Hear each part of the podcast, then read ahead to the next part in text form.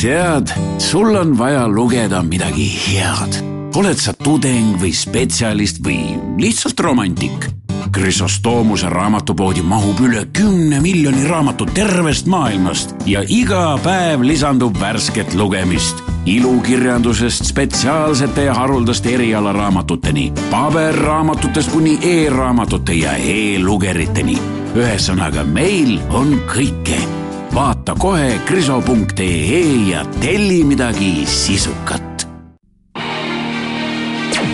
äripäev eetris. Tere tulemast äh, kuulama saadet Äripäeva eetris, äh, stuudios on täna Äripäeva ajakirjanikud Juhan Lang, Rainer Saad ja Harri Tuul. Ja räägime peamiselt ühel teemal, et äh, aasta algus on erakordselt kehv olnud aktsiaturgudele ja püüame natuke selgitada Kuku raadio kuulajatele, et miks see on oluline ja kuidas see neid mõjutab. äripäev eetris. siin nädal või paar tagasi oli Äh, algas üks Äripäeva kaanelugu sõnadega Karu tuleb. et äh, selle ajendiks oli siis see, et äh, aasta algus oli aktsiaturgudel ja üldse turgudel üsna kehv ja nii mitmed olulised turud üle maailma, Aasias, ka Ameerikas olid nii-öelda langenud juba karuturule ja teised olid nii-öelda näiteks USA turul osad aktsia, börsid olid nii-öelda noh, peaaegu selleni jõudmas või, või Äh, teie, Juhan ja Rainer, olete nii-öelda iga päev börsitoimetuse liikmetena, hoiate kätt pulsil ja, ja investori, investeerimishuvilistena, et äh, mis siis juhtus ja, ja, ja miks? jah, et äh, aasta algas tõesti langusega ja seda Hiina majandusnäitajate pärast, mis tulid oodatust nõrgemad. samas see, et see langus kohe aasta alguses tuli, oli ju tegelikult täielik kokkusattumus, sest et need andmed, mida avaldati lihtsalt Äh, juhtusid just aasta alguses ja need olid oodatust nõrgemad ja ma arvan, et äh, selle põhjal küll mingit äh, terve aasta käekäiku küll järeldada ei saaks, sest et noh, vaadates ajalooliselt, siis Hiina börs on kogu aeg olnud volatiilne. ja kui küsida, et kas tegemist on siis kriisi või korrektsiooniga, siis ma ise kaldun arvama, et pigem korrektsiooniga, kus siis investorid mängivad enda positsioone ümber seoses Hiina osakaalu vähenemisega jah, et eks siin see äh, paanika võib-olla tekkiski sellepärast, et väga palju selliseid äh, asju langes kokku ühel ajahetkel, et nafta oli just kukkunud rekordmadalale, samas äh, pidevalt on olnud jutt, et ei saa siis Euroopa endale hoogu sisse, hoolimata siis äh, keskpanga äh, tugiostudest ja ja, ja, ja ka muidu, et arenevatel turgudel, et eh, miks see Hiina võib-olla on nii oluline, et, et ta on lihtsalt eh, nii suur kaubanduspartner väga paljudele riikidele, et kui me vaatame siin näiteks Brasiiliat ja teisi siis eh, arenevaid turge, siis tegelikult nende majandus on ikkagi täiesti kokku kukkunud või vaadata vähemalt aks-, aktsiagraafikute põhjal, et et suur Hiina turg on ütleme, selline suur ekspordi partner paljudele ja paljude turgude jaoks on tegelikult praegu juba olukord palju hullem kui finantskriisi ajal, et sõltubki et mis turge me vaatame. aga seda küll, et see korrektsioon, mis siis ähm, toimus, et ega need põhjused ju tegelikult ei olnud midagi uut, et sellest on juba jupp aega räägitud, et aga kas ütleme, Hiina ikkagi on niivõrd äh, samas jällegi mõjukas selles mõttes maailmamajanduses, et ja suur, et, et kas ta ei võiks ütleme, tõmmata mõnes mõttes kaasa ka noh, sellise mingi kriisi, et, et mida on nagu noh, spekuleeritud. jah, et aga Hiina puhul räägitakse pigem majanduskasvu aeglustumisest, mitte majanduslangusest, et see majandus ikka kasvab seal seitsme protsendi lähedal, et mis on tegelikult väga hea tulemus, et et arenenud äh, riikide majandused nii äh, suurt kasvu küll ei suuda näidata, et samas noh, et äh, Hiina ei ole kindlasti ainuke, et noh, ütleme, äh, ma saan aru, et Jaapan, äh, Brasiilia on need turud, mis on ka tihedalt Hiinaga ja seotud, et aga mul nagu meenub, et ühest tabelist, et seal oli ka näiteks Kanada turg oli. Jah, et üldse sellised suuremad tooraine eksportijad ja, ja ongi võib-olla mitu asja, et üks asi on siis äh, toorainet, teine asi on lihtsalt nafta ekspordist sõltuvad riigid, nagu ka Norra, kus tuli ka uudis, et, et nemad hindavad oma olukorda praegu ka samuti halvemaks kui finantskriisi ajal, et tegelikult juba jupp aega on ka juttu olnud, vähemalt mäletan üks paar aastat tagasi, et ei ole enam midagi osta, et äh, aktsiate hinnad on väga kõrgel, hinnatasemed ei noh, ei õigusta siis fundamentaalseid näitajaid, et äh, kui saaks ühe sellise korrektsiooni, et nüüd tegelikult kui vaadata turgude lõikes, siis juba ka on atraktiivsemaid ostukohti võib-olla sellistele optimistlikumatele investoritele tekkinud.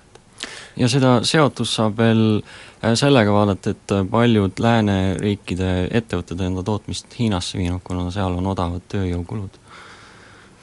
aga kui me nüüd äh, äsja alles eile, eilses Äripäevas investor Toomas, meie välja mõeldud nii-öelda investor, kes tegutseb päris rahaga, avaldas sellise väikese tabeli ka nendest turgudest, millel on läinud tegelikult hästi, et et sealt paistab silma, ma saan aru, et sellised eksootilised turud, et kuhu, kuhu nii-öelda väga reeglina ei satu, et noh, näen siin Tuneesia ja Maika, aga aga ka Läti, et jah, et mis nemad teistmoodi tegid või kuidas neil niimoodi läks? et tege-, tegelikult see, et me seal näeme just Jamaikat ja, ja, ja Tune-, Tuneesiat ja mitte USA-d ja Euroopat, et tegelikult see ikkagi indikeerib seda, et see suur pilt on nukker. Et äh, tegemist on väga väikeste turgudega ja kui me vaatame, millele ka siis investor Toomas siis äh, tugineb, on äh, Bloombergi ülevaade sajast maailma nagu peamisest aktsiaindeksist. Ja nende seas siis tõusjaid oligi jaanuaris üksnes seitseteist ja neist ainult seitse suutsid siis teenida enam kui kaks protsenti tootlust kuu aja jooksul, et need, see, et seal on Tuneesia ja Jamaica nagu eesotsas, et see ka tuleneb pigem sellistest väikestest anomaaliatest, eks kui me võtame näiteks Tune-, Tuneesia börsi, siis enam kui kolmandiku sealse börsiindeksi koosseisust hõivavad siis kaks panka ja üks joogitootja. Et see, et tege-, tegelikult sellised noh, ja see tõus siis turul oli kaheksa protsenti, et see on siis põhimõtteliselt kolme ettevõtte najal, et sellest mingeid selliseid suuri järeldusi teha ei saa jah, sest nende börsi edetabelite tipus on tavaliselt kogu aeg olnud äh, arenevad turud ja just niisugused väiksemad, vähem tuntumad börsid, ma imestasin, et et seekord polnud Venezuelat seal, sest Venezuela börs tõusis eelmisel aastal mitusada protsenti selle tabeli järgi. jah, et kuigi, kuigi, et Jamaica puhul siis vähemalt ikkagi tuuakse ka välja, et majandus ka kasvab ja, ja ja Slovakkia puhul oli ka majanduskasvu prognoos, mis Keskpank äh, sealne siis välja andis ka, oli suhteliselt äh, optimistlik aga teisalt, äh, kui vaadata äh, suurt pilti, siis äh, ka Baltikum tegelikult joonistub sealt välja, et Riia puhul, Riia börsi puhul siis tuli neljandaks maailma lõikes, aga sealgi siis jällegi ühest ülevõtu pakkumisest tulenev anomaalia, aga sellegipoolest näiteks Tallinna ja ja Vilniuse börsid ka, et Tallinna börs kukkus veidi üle kahe protsendi, Vilnius napilt plussis, et kui vaadata ülejäänud maailma börsidel toimuvat, siis ei ole üldse paha tegelikult et võiks öelda, et äh, Balti turg oli ütleme, sellele seekord ütleme, sellises müügilaines üsna selline isegi stabiilne, et jah, jäi puutumata vähemalt. jah, et võib nagu turvasadamaks pidada antud juhul jah. jah, et oleks veel, äh, võiks olla ainult rohkem äh, huvitavaid ettevõtteid, kuhu investeerida. et et kas või siin Euroopaga võrreldes, et Euroopa vist kukkus üsna kõvasti üldiselt. aga me jätkame pärast väikest pausi samal teemal Äripäev eetris. Äh, tere tulemast tagasi, äh, stuudios Äripäeva ajakirjanikud Rainer Saad, Juhan Lang ja Harri Tuul ja räägime erakordselt kehvast aasta algusest aktsiaturgudel ja ähm, jääme pooleli seal, kus et äh, Balti turud on olnud suhteliselt stabiilsed, et näiteks ähm, noh, on kuskil püsinud isegi nulli lähedal ajal, kui teised börsid, näiteks Saksamaa, mis on nüüd nüüd Euroopa mootor, Rainer, sa tõid välja, kukkus lausa kümme protsenti, et et kus veel olid sellised suuremad äh, kukkumised? jah, et ega äh, kui siis äh, parimate börside seas oli pigem üllatav, et sellised eksootilised maad, siis halvimate turgude puhul midagi väga üllatavat jaanuaris ei olnud, et, et peamiselt need seostuvadki siis kas toorainete hindade, Hiina siis majanduskasvu aeglustamise või siis geopoliitiliste sündmustega, et kõige äh, enam kukkusid jaanuaris just eurodes arvestatuna siis Hiina, Egiptuse ja Saudi Araabia börsid, et kukkumised vastavalt olidki siis kakskümmend viis protsenti, viisteist protsenti ja kolmteist protsenti. no need on ikkagi erakordselt noh, sellised suured kukkumised, et ütleme, seda tagasi teha on päris keeruline. jah, aga noh, Hiina puhul võiks vaadata, mis toimus eelmine aasta, et seal ju see tõus oli kas saja protsendi alla või kuskile sinna. kihutas ikka väga kiiresti üles, et jah, et ka sellist tõusu nagu alla tõmmata võtab aega, et samamoodi. huvitav, et selle top viie hulka ei, ei mahtunud, võib-olla ta jäi napilt välja, et te oskate kindlasti täpsustada, et meie naaberriik Venemaa, et kes on ju väga sõltuv just näiteks energiasektorist ja, ja teatavasti naftahinnad kukkusid siin väga kõvasti, rubla kurss kukkus siin kõvasti, et eks ta natukene on tagasi tulnud, aga et kuidas seal läks? seda küll, et ma isegi vaatasin, tegelikult Venemaal ei läinudki väga halvasti jaanuaris, et kas ta oli Tallinna börsiga kus, kusagil samal tasemel, et mõni kaks protsenti äkki veidi peale seda oli see see miinus, et Rainer on ka pikemalt kirjutanud Venemaale investeerivatest fondidest, et võib-olla teab täpsemalt. jaa, et äh, Venemaal ainult kõik nafta hinnast ka ei sõltu, et seal on ka ettevõtteid, mis on keskendunud siis äh, äh sisetarbimisele ja neil läks eelmisel aastal väga hästi et tookski välja selle, et äh, Eestis äh, on äh, mitu fondi olnud, kes on Venemaale investeerinud eelmisel aastal said umbes kolmkümmend protsenti tootlust ja parim fond oli isegi neljakümne ühe protsendilise tootlusega, see oli siis Trigon Capitali Venemaa fond, mida juhib Jelena Rosenfeld. et tema just keskenduski siseriikliku tarbimisega seotud aktsiatele, et need tõid talle edu iseenesest väga üllatav, et eh, noh, et kuna Venemaal kehtisid sanktsioonid, nafta hind langes, majandus langes, eh, kui ma mäletan, välisinvesteeringud langesid vist üheksakümmend protsenti, et eh, sellele vaatamata on võimalik ka seal raha teenida. jah, et, et see oli tõesti äh, huvitav, et näis, et Venemaa on ainult nendele, kellel pole nagu rahast kahju, et noh, et et, et ikka on nagu võimalus head tootlust sealt leida jah, noh teisalt äh, jällegi, eks ole, et äh, Venemaa on kindlasti, ma arvan, näiteks meie, meile natukene lähedasem või arusaadavam kui äh, siin vaadata Tuneesia või Jamaica, Jamaica turg, kus justkui oleks mingi tõus, aga samas noh, et kui sinna sisse vaadata, siis on ta pigem anomaalne, eks. või kuidas sa sinna üldse ligi pääsed. et selles mõttes väga huvitav ometi äh, selle kuu jooksul ikkagi noh, ütleme need emotsioonid käisid ikkagi ütleme,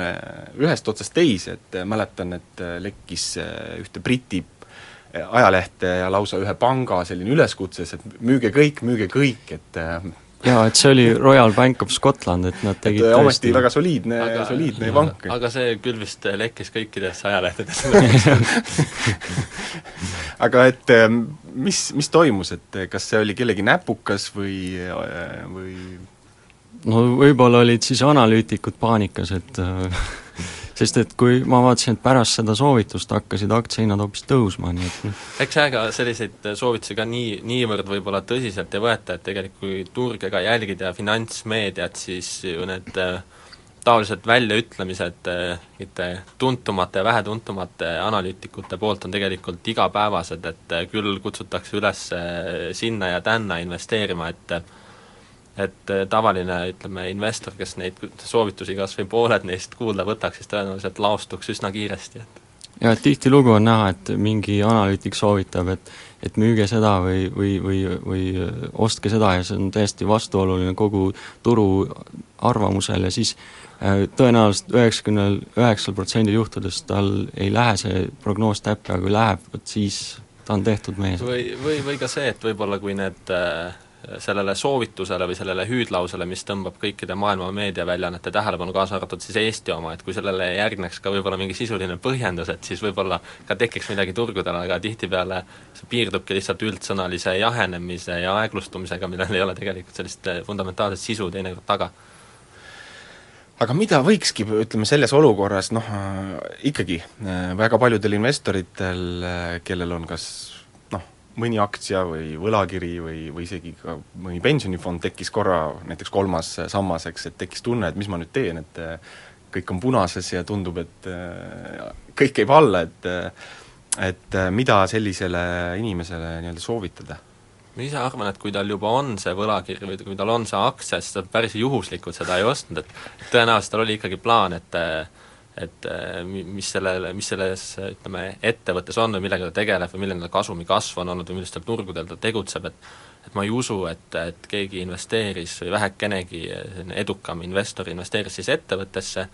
mõtles äh, pikalt enda jaoks selle läbi, pani paika oma siis Äh, riskitaseme ja, ja võttis ka ajahorisondi ja tegi kindla plaani ja siis, kui nüüd turud äh, kukkusid kümme protsenti, siis äh, nõutult mõtles, et mida teha, et kas, kas nüüd müüa maha või et et tõenäoliselt vähegi kogenenud, koge-, kogenenumad siis investorid äh, nii ei oleks käitunud? ma arvan, et praeguses olukorras tõesti, et vaadates turgude volatiilsust, et kuidas nafta hind käib üles-alla ja kuidas turud sellega kaasa lähevad, siis võib-olla oleks kõige targem lihtsalt hoida. et oodata? jah, aga tegelikult on üks hea märk ka hakanud paistma seoses nafta hinna ja turgude käitumisega, et ma vaatasin, et eile eilse kauplemispäeva lõpuks USA börsidel oli nafta hind kukkunud kuus protsenti, aga USA börsid lõpetasid kauplemispäeva väga väikeste miinustega ehk siis see näitab, et võib-olla on hakanud nafta nii-öelda roll aktsiahindade mõjutamisel vähenema ja see on tegelikult hea märk. aga sa ütlesid, äh, Rainer äh,, siin saate alguse poole veel, et äh, jah, jaanuar oli kehv, aga et võib-olla aga see ei, ei pea tähendama seda, et kogu aasta tuleb kehv, täna lugesingi noh, võib-olla natuke väikse üllatusega, aga siiski arvestades seda skepsist näiteks Euroopa äh, turgude suhtes, et see rahatrükk, mida Euroopa Keskpank on teinud, et majandust stimuleerida, et see pole nagu päris loodetud, äh, loodetud kujul eks mõjunud, ometi väga paljud analüütikud ootavad äh, just siit kasvu, et, et, et mis, mis meie see lähitulevik siis võiks tuua jah, et, et see aasta alguse need jutud on alati nagu mingi metafoor, et näiteks kui kellelgi algab karjäär ja kohe midagi alguses läheb halvasti, et siis on nagu kogu karjäär halvasti minemas, et et äh, vaadates näiteks äh, analüütikute hinnasihte, siis äh, neid on küll kärbitud, aga need hinnasihid on ikka keskmiselt kümme-viisteist protsenti kõrgemal kui need, kus need hinnad praegu on nii et ma arvan, et esimene poolaasta võib äh, tulla kahvatusest, äh, nafta hind on ikkagi madalal, see on volatiilne, aga aasta teiseks pooleks nähakse juba nafta hinnale tõusu ja ma arvan, et see tõmbab ka börsid endaga vaikselt kaasa. üks selline märk, mis tavaliselt on olnud, et kui investorid hakkavad nii-öelda aktsiatest põgenema või ka võlakirjadest, või aktsiatest, üks asi on võlakirjadest ja teine asi on ütleme, kulda, et ma vaatasin, et kuld nüüd mingit suurt, väga suurt tõusu pole nagu teinud, et mis nagu näitab, et et äh, ikkagi usaldatakse endiselt, et, et, et need just need aktsiaturud on need kohad, kust võib-olla saab raha teenida. jah, et tegelikult võib-olla see kulla nagu, see roll on ka nagu vähenenud, sest et äh, mõned aastad tagasi meil algas rahatrükk ja siis keegi ei teadnud, millega see kõik võib lõppeda ja siis äh, võib-olla arvatigi, et äh, maailma finantssüsteem finantssüsteemi tabab katastroof ja ainuke lahendus on kuld. aga kui rääkida aktsiatest, võlakirjadest ja teistest varaklassidest, siis tegelikult on üsna hea seos on kinnisvarahindadel ja aktsiahindadel. et kui on aktsiakrahh ära olnud, siis mõni aasta pärast seda hakkavad kinnisvarahinnad tõusma, sest et äh, inimesed on näinud, et nad tahaks midagi kindlat mhm. ja kinnisvara on ju tegelikult reaalselt olemas, aga kui aktsiahinnad kukuvad, siis äh, noh, see ei ole ju midagi kindlat, et jah, et äh, nüüd peaks nagu vaatama, et äh, mis edasi saab, et äh, kindlasti üks äh, mõju äh, miks me üldse sellest väga palju räägime, on üks asi, on, et kuidas ta nii-öelda mõjutab äh, majandust, et äh, et tihtilugu on räägitud, et mitmed kriisid on alanud nii-öelda majanduses, et nii palju, kui mina aru saan, et seda me praegu ikkagi veel ei näe mm,? ma ei usu küll, et me kriisi praegu näeme, pigem me oleme näinud nagu paanikat, aga kriisi küll ei usu. jah, et selles osas tegelikult lähevadki ka, et äh, selles küsimuses, kas tegu on siis korrektsiooni või kriisi algusega, et siin lähevadki arvamused äh, kahte leeri, aga ikkagi domineeriv konsensus äh, ka siin kohalike pankade poolt on see, et et, et pigem on see ikkagi korrektsioon ja siin on ka rida tegureid, mis võivad ka kasvu soodustada, alates siis nõrgast valuutast, odavatest toormehindadest ja nii edasi, et, et ühelt poolt äh, äh, nii-öelda äh, paneb surve alla, kuid teisalt võib ka turgutada. Jah, ja teine põhjus võib-olla, miks börsil toimuv oluline, on igaühe rahakott selles mõttes, et meie pensionid, et kas ja kuidas meie pangad või fondihaldurid olid selleks valmis, selleks languseks. äripäev eetris. Jätkame saatega, stuudios Äripäeva ajakirjanikud Rainer Saad, Juhan Lang ja Harri Tuul. Ja rääkisime sellest, et aasta on alanud erakordselt kehvasti turgudel ja kuidas see mõjutab nii-öelda meie igapäevaelu, et rääkisime sellest, et äh, et kas see võiks olla ka mingi ma-, märk sellest, et võiks saa-, tulla majanduskriis, leidsime, et ilmselt see nii ei ole. Äh, küll aga samamoodi ajendas see meid vaatama, et mis toimub meie pensionifondides, et äh, tõenäoliselt on väga paljudel Kuku raadiot kuulajatel kas teine sammas või kolmas sammas, et kui nad just ise vahetult ei investeeri kuhugi, et äh, siis need on kas kohustuslikud või vabatahtlikult valitult, et et kui me nüüd nädal aega või paar nädalat tagasi vaatasime, et siis oli juhtunud Eesti pensionifondides niimoodi, et oli küll, maht oli vähenenud, et kuskil kokku kokku miinus kaks protsenti, et mis oli kuskil viiskümmend miljonit eurot, et samas ma praegu vaatasin värsket statistikat, et, et ei olegi väga hull, et see kuu ajaga ja noh, mis ikkagi kõige olulisem nagu ikka on, et, et peab pikemat plaani pidama pensioniga, ega sellist väga kiiret äh, liikumist äh, ei tasu jälgida, küll aga tasub vaadata, mida pensionifond teeb, et kas ta reageerib, kas see fondijuht reageerib sellele ja kuidas reageerib, et äh, me rääkisime väga mitme fondijuhiga, et Swedbankiga ja LHV-ga ja, ja, ja SEB-ga ja teistega, et mis ikkagi valdavalt tuli välja, oli see, et selleks oldi justkui valmistatud juba, juba suvest, et sa ise ütlesid ka, Rainer, et et kui augustis oli turgudel sarnane noh, hirmulaine nii-öelda, et siis teatud hirmuindeks oli isegi suurem kui nüüd jaanuaris. jah, et see mis toimus jaanuaris, oleks olnud nagu augusti reinkarnatsioon. et äh, aga samas äh, vaadates näiteks hirmuindeksit äh, VIX, mis siis mõõdab turgude meelestatust, et mida kõrgem see on, seda suurem on äh, hirm turgudel, et kui augustis oli see viiekümne kolme lähedal, siis äh, jaanuaris oli see kahekümne lähedal, jaanuari lõpus. ehk siis näitab, et hirmu on oluliselt vähem turgudel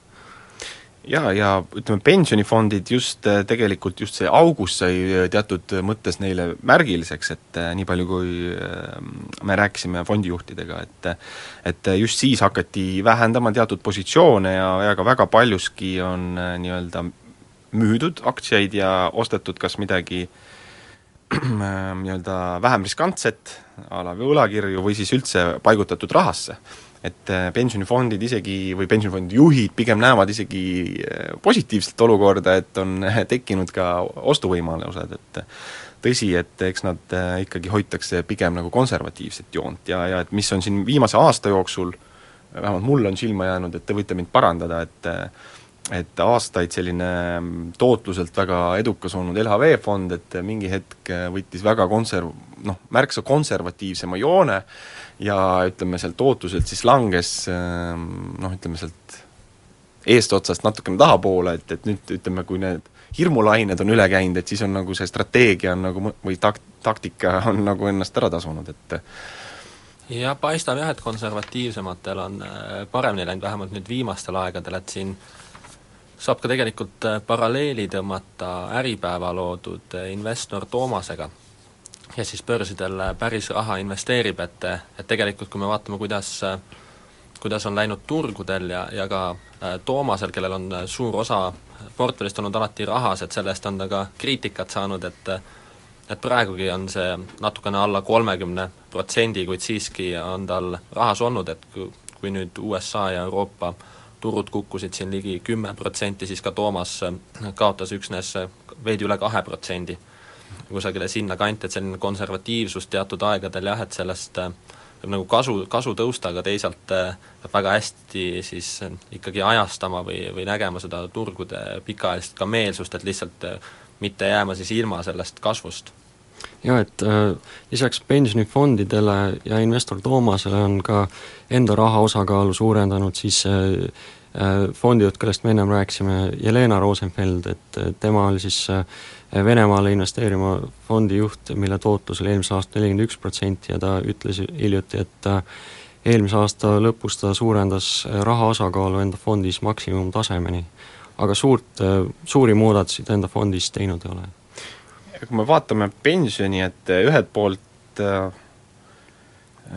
noh, justkui ei tasu, noh, et tasub nagu justkui silma peal hoida sellel, samas sina, Rainer, just kirjutasid, et sina nagu selle pärast ei muretse, et Äh, miks nii? Jah, et kuna ma olen ka noh, finantsturgudel aktsiatele investeerinud, siis ma väga tõesti ei, võib-olla ei vaata, et mis nad siin äh, iganädalaselt teevad või et ma iga reede teen mingeid kokkuvõtteid ja asju, et et ma ikka noh, kui on nagu niisugune pikem perspektiiv, et siis noh, ei ole mõtet sellist päevast kõikumist vaadata, muidu võivad igast põnevad mõtted pähe tulla noh, õnneks või kahjuks ütleme, teise sambaga ka väga palju ütleme, mänguvõimalust selles mõttes ei ole, et, et võib vahetada kas agressiivsemaks või konservatiivsemaks seda fondi, et äh, ega muud võimalust ei ole, et nüüd äh, sel nädalal või eelmisel nädalal viidi ka lõpule üks tehing, kus LHV siis, või on lõpp, vähemalt jõuti kokkuleppele, lõpuni ei ole viidud, et LHV omandas ka Danske äh, fondid, et nüüd on meil siis ütleme, selliseid fondivalitsejaid on vähem, aga aga mulle endale isiklikult ma võib-olla te vaidlete mulle vastu, et ma väga suurt probleemi selles ei näe, et ega seal need reeglistikud on nii karmid, et et seal nagu sellist otsest konkurentsi nagu ei olegi nagu tekkinud nende fondide vahel, et või mis teie arvate? võib-olla jah, et aga, et ega, ega nende fondidega ongi see, et, et pigem isegi seda konkurentsi ei oskagi nii väga äh, kritiseerida, et see jäägu nagu pankadele, et pigem on saanud sellist tulist kriitikat süsteem ise just siis väikeinvestoritelt, et kui ma lasen ta mälust läbi just viimaste nädalate pealkirjad, siis mitmed äh, tuntud väikeinvestorid on Äripäevas ka arvamust avaldanud selle kohta, et kellele ajas see pensionifondide tootlus nutu peale ja, ja, ja kes leidis, et targem oleks üldse madratsi sisse panna, aga aga kui ma lugesin ka seda viimast äh, fondide tootluse ülevaadet, siis tegelikult see strateegia, et et pigem hoida rahas ja, ja valmistuda siis ette, et kasutada praegust korrektsiooni pigem positsioonide suurendamiseks, et see läheb ka kokku tegelikult investor Toomase strateegiaga, siin on nagu äh, Äh, raske nagu midagi nagu halba näha, et nagu ikkagi see perspektiiv on siin viisteist või kuni kakskümmend või rohkemgi aastat, siis tõepoolest jaanuarikuu kümne protsendi suurune langus, et jah, et seda ostuks kasutada ei tundu väga halb mõte, et jah, et samas ka need, kes tahavad kritiseerida fondijuhte, et äh, et tegelikult pensionifondid on väga piiratud oma tegevustes, et neid ei saa juhtida nagu riskifonde, et kus siis võtta igasuguseid erinevaid positsioone igas suunas. et äh, samas ka noh, räägitakse, et kõrged fondi haldustasud, noh, siin võib-olla isegi nõustuks, aga äh, kui me ikkagi tahaksime, et meil oleks mingi riskifondi laadne tootlus pensionifondil, siis me peaksime võib-olla tellima mingisuguse superstaari kuskilt Ameerikast ja tema tasu oleks võib-olla kordades suurem siis. aga miks mitte usaldada raha selle Vene fondi juhile, et ähm, kes suutis aastaga nelikümmend kaks protsenti teenida, et no vot mõttekoht, eks ole. peaks just vaatama läinud kümmet aastat ka, et kas oli iga-aastane aga mul on noh, ausalt öeldes nagu hea meel, et äh, vähemalt see diskussioon on käima läinud, et üks põhjus oli, Äripäev ju kirjutas äh, vist aasta tagasi äh, nendest sellisest teatud mõttes pensionilõksust, et et siis ei pla-, ei tahetud midagi muuta, et nüüd siis Sven Sesteri juhitud Rahandusministeerium justkui tellitult kõige üle pika aja ühel väga hullul kuul võttis ette ja, ja, ja plaanib teatud sellist pensionisammaste remonti et nüüd see diskussioon, mille üle me nagu vaidleme, või noh, ütleme Äripäeva veergudel on väikeinvestorid eelkõige kritiseerinud, et see on liiga kosmeetiline muutus, et võiks arutada suuremaid muutusi,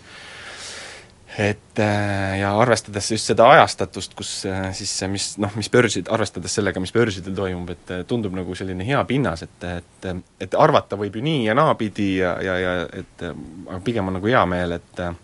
et see teema on tõstatunud, et seda enam, et see tundub nagu väga kauge, eks,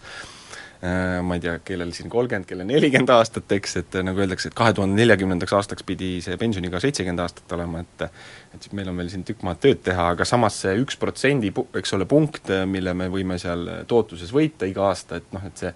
akumuleerub lõpuks ikkagi päris suureks äh, võiduks, et jah, et ma just vaatasin viie aasta tootlust ka enda pensionifondil, et see jääb tegelikult inflatsioonile alla ja ja mingis mõttes võib-olla see ongi kurb tõsiasi, et äh, enamus fondid võib-olla ei suudagi inflatsiooni edestada. aga mis aga... ma ka välja tõin seal enda arvamusloos, et kuidas nagu rohkem pensioniks kõrvale panna, et seal oli ka üks äh, äh nipp, et siis tuleviku palgatõusust seda ümber suunata rohkem. äripäev eetris jätkame saatega, stuudios Äripäeva ajakirjanikud Juhan Lang, Rainer Saad ja Harri Tuul ja rääkisime just äh, sellest, kuidas erakordselt kehv aasta algus on mõjunud äh, pensionisammastele, et aga lisaks sellele nii-öelda kohustuslikule võimalusele läbi fondide on äh, tegelikult igalühel ju võimalik äh, endal ise raha kõrvale panna, et siis kas siis miks mitte ja põhimõtteliselt ka endale ka see nii-öelda pensioniiga valida te-, ülekantud tähenduses, sest see ei pea ju tulema seitsmekümneaastaselt, et kui ähm, natukene vaeva näha, et see võib tulla palju varem, et äh, ja just sellel eesmärgil on äh, Äripäeval äh, loodud selline väljamõeldud tegelane, kelle nimi on investor Toomas ja kellel on siis päris raha ja kes päriselt investeerib seda raha turgudele, et ja sa, Juhan, noh, nii-öelda olla eeskujuks väikeinvestoritele, vähemalt mõnes mõttes, et sa just, Juhan, ütlesid, et tema ütleme, ka käitumine või tema portfell väga palju peegeldas, et selle, see, seda, mis börsidel toimus? Jah, mõneti, et võib-olla ta peegeldas isegi vähem, et kui börsid kukkusid rohkem, siis tema portfell oli mõnevõrra võib-olla konservatiivsem, et ei olnud väga selliseid spekulatiivseid panuseid tal seal portfellis, et ka Rainer tegi ka sellise põhjalikuma ülevaate siis sellest mm. -hmm. Et äh, jaanuaris küll see portfelli väärtus kõikus viieteist tuhande euro vahemikus äh,, aga jaanuari lõpp, lõpuks oli siis see miinus nagu vähenenud kuskil neljale tuhandele eurole, ehk siis portfelli tootlus langes peaaegu kaks protsenti ainult siis jaanuaris. et äh, volatiilne kuu oli ja, ja portfellis oli ainult üks tõusja, selleks oli siis äh, Norra lõhekasvataja Leroy Seafood, mis umbes tõusis ainult pool protsenti, et äh, tegelikult äh, vaadates äh, siis ka langejaid ja siis äh, seal oli ikka üle seitsme protsendi kolm kukku, et üks oli siis Euroopa fond, äh, teine oli Apple ja siis kolmas Volkswagen. et need on need aktsiad, mis on väga mõjutatud maailma majandusest ka, et aga ometi, ütleme selle nagu paanikakuu jooksul otsustas Toomas hoopis midagi ikka juurde osta, et mm -hmm äh,? Jah, sai ostetud juurde Statoili, et, et Statoil ongi panus nafta hinnale, et et nafta hind oli juba vajunud alla kolmekümne dollari barrelist ja siis osteti juurde äh, saja koma viie Norra krooni pealt osteti Statoili juurde, ehk siis tegemist oli teise ostuga, esimene ost äh, oli saja kolmekümne kuue Norra krooni pealt, ehk siis äh, praeguseks hetkeks peaks see hind kuskil võib-olla saja viieteistkümnel kroonil olema, ehk siis see esimese tehingu nii-öelda kahjum on juba noh, minimaalseks viidud, et kui dividendid juurde arvestada, siis äh, investor Toomase kuukokkuvõtte tegemisel oli kahjum umbes kakssada kaheksakümmend eurot ainult. ehk see on nagu selline, selles mõttes nagu näide, et et kui niimoodi enda jaoks läbi mõelda äh, ja, ja niimoodi õigesti sihtida, et siis on tegelikult võimalik noh, väga noh, võita ka sellisest langevalt turult. jah, et eks ajalugu ongi näidanud, ega sellise turu ajastamisega ei saa ka parimad, parimad fondijuhid tihtipeale pihta, et siis just see ajas hajutamine ja kulude allatoomine annab selle efekti teinekord. ometi selle, ütleme, ostu üks selline mõte oli, et mingi hetk, eks ole, on kusagil see piir, kus nafta hind ka tõenäoliselt hakkab tõusma ja, ja, ja et et, et see on võib-olla õige aeg just sellesse sektorisse investeerida ja ma saan aru, et investor Toomas siis otsis mingit ettevõtet, kes selles sektoris tegutseks ja oleks edukas. aga veel teine selline võib-olla paralleel ka pensionifondidega, aga võib-olla investor Toomas on isegi olnud võib-olla ka edukam, eks selles mõttes, et ka tema hakkas juba valmistuma teatud sellisteks ütleme, majanduse jahtumiseks seal Hiinas ja nii edasi juba eelmisel aastal, et sai müüdud mitu positsiooni, et jaa, et sai müüdud siis äh, tööstusgigant ABB ja luksuskaupade tootja Burberry. et äh, Burberry on väga tihedalt seotud Hiina turuga ja ABB on siis äh, globaalse ulatusega ettevõte, et see on nagu hoida kätt pulsil maailma majandusel. et vaadates pärast seda müüki, kuidas nendel aktsiatel läinud on, siis need on langenud, et et sai nagu õigel hetkel välja tuldud. jällegi noh, selline noh, aga samas, kui palju, ütleme, selline,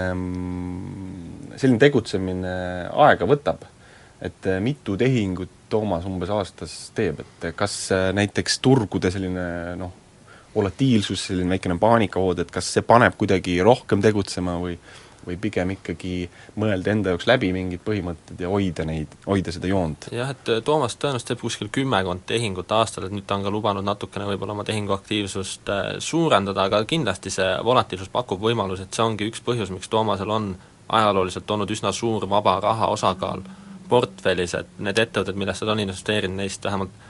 enamik või suurem osa on ikka sellised, millesse ta usub väga-väga pikaajaliselt, et need investeerimishorisondid võivad küündida siin näiteks viieteistkümne aastani. et ta ei peaks hakkama müüma näiteks Microsofti aktsiat, et osta juurde Statoili aktsiat, et see ja volatiilsed ajad kindlasti loovad paremaid ostukohti, et selleks ta on ka valmis, et jah, et meil oli eelmisel aastal oli oktoobris siis olukord, kus äh, lihtsalt vaatasime ajalehest äh, Leroy siis selle lõhekasvataja Leroy Seafoodi aktsiagraafikut ja seal oli näha, et seal on niisugune langus järsk olnud ja siis mõtlesime, et võiks osta juurde. ja ostsimegi ja siis oleme pärast seda ostutehingut ikka kuskil viiskümmend Norra krooni plussis, et mis selle, see lõhekasvataja on üks edukamaid äh, ettevõtjaid ja natukene ju üllatav isegi ütleme, treenitud silmale, et et mis selle firma saladus on? Vot saladus ongi see, et ta ei ole nii äh, seotud äh, äh, võib-olla siis äh, teiste majandussektoritega, et tal on, ta toodab lõhe lõhe hind on võtnud viimasel ajal suuna ülesse ja tal on oma eksportturud, kuhu ta siis ekspordib ja, ja seal nagu nõrkust näha ei ole. Ja lisaks ka Forellet on üldse üks Norra suurimaid lõheeksporte, see on ka üks põhjus, miks näiteks äh, äh, investor Toomas teinekord mingeid Norra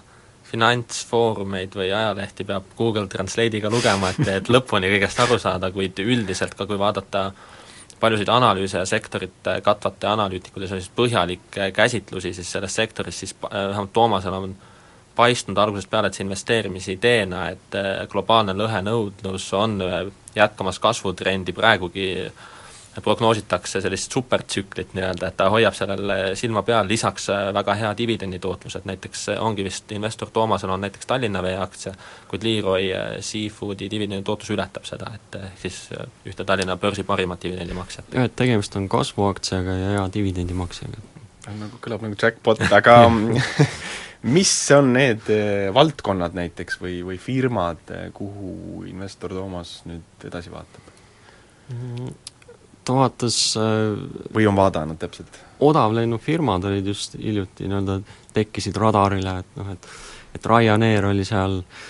et see, vaatan just tänagi Äripäevas on siin investori küljel tõus ja Ryanair pluss viis koma kakskümmend viis protsenti, et jäi hiljaks, jah?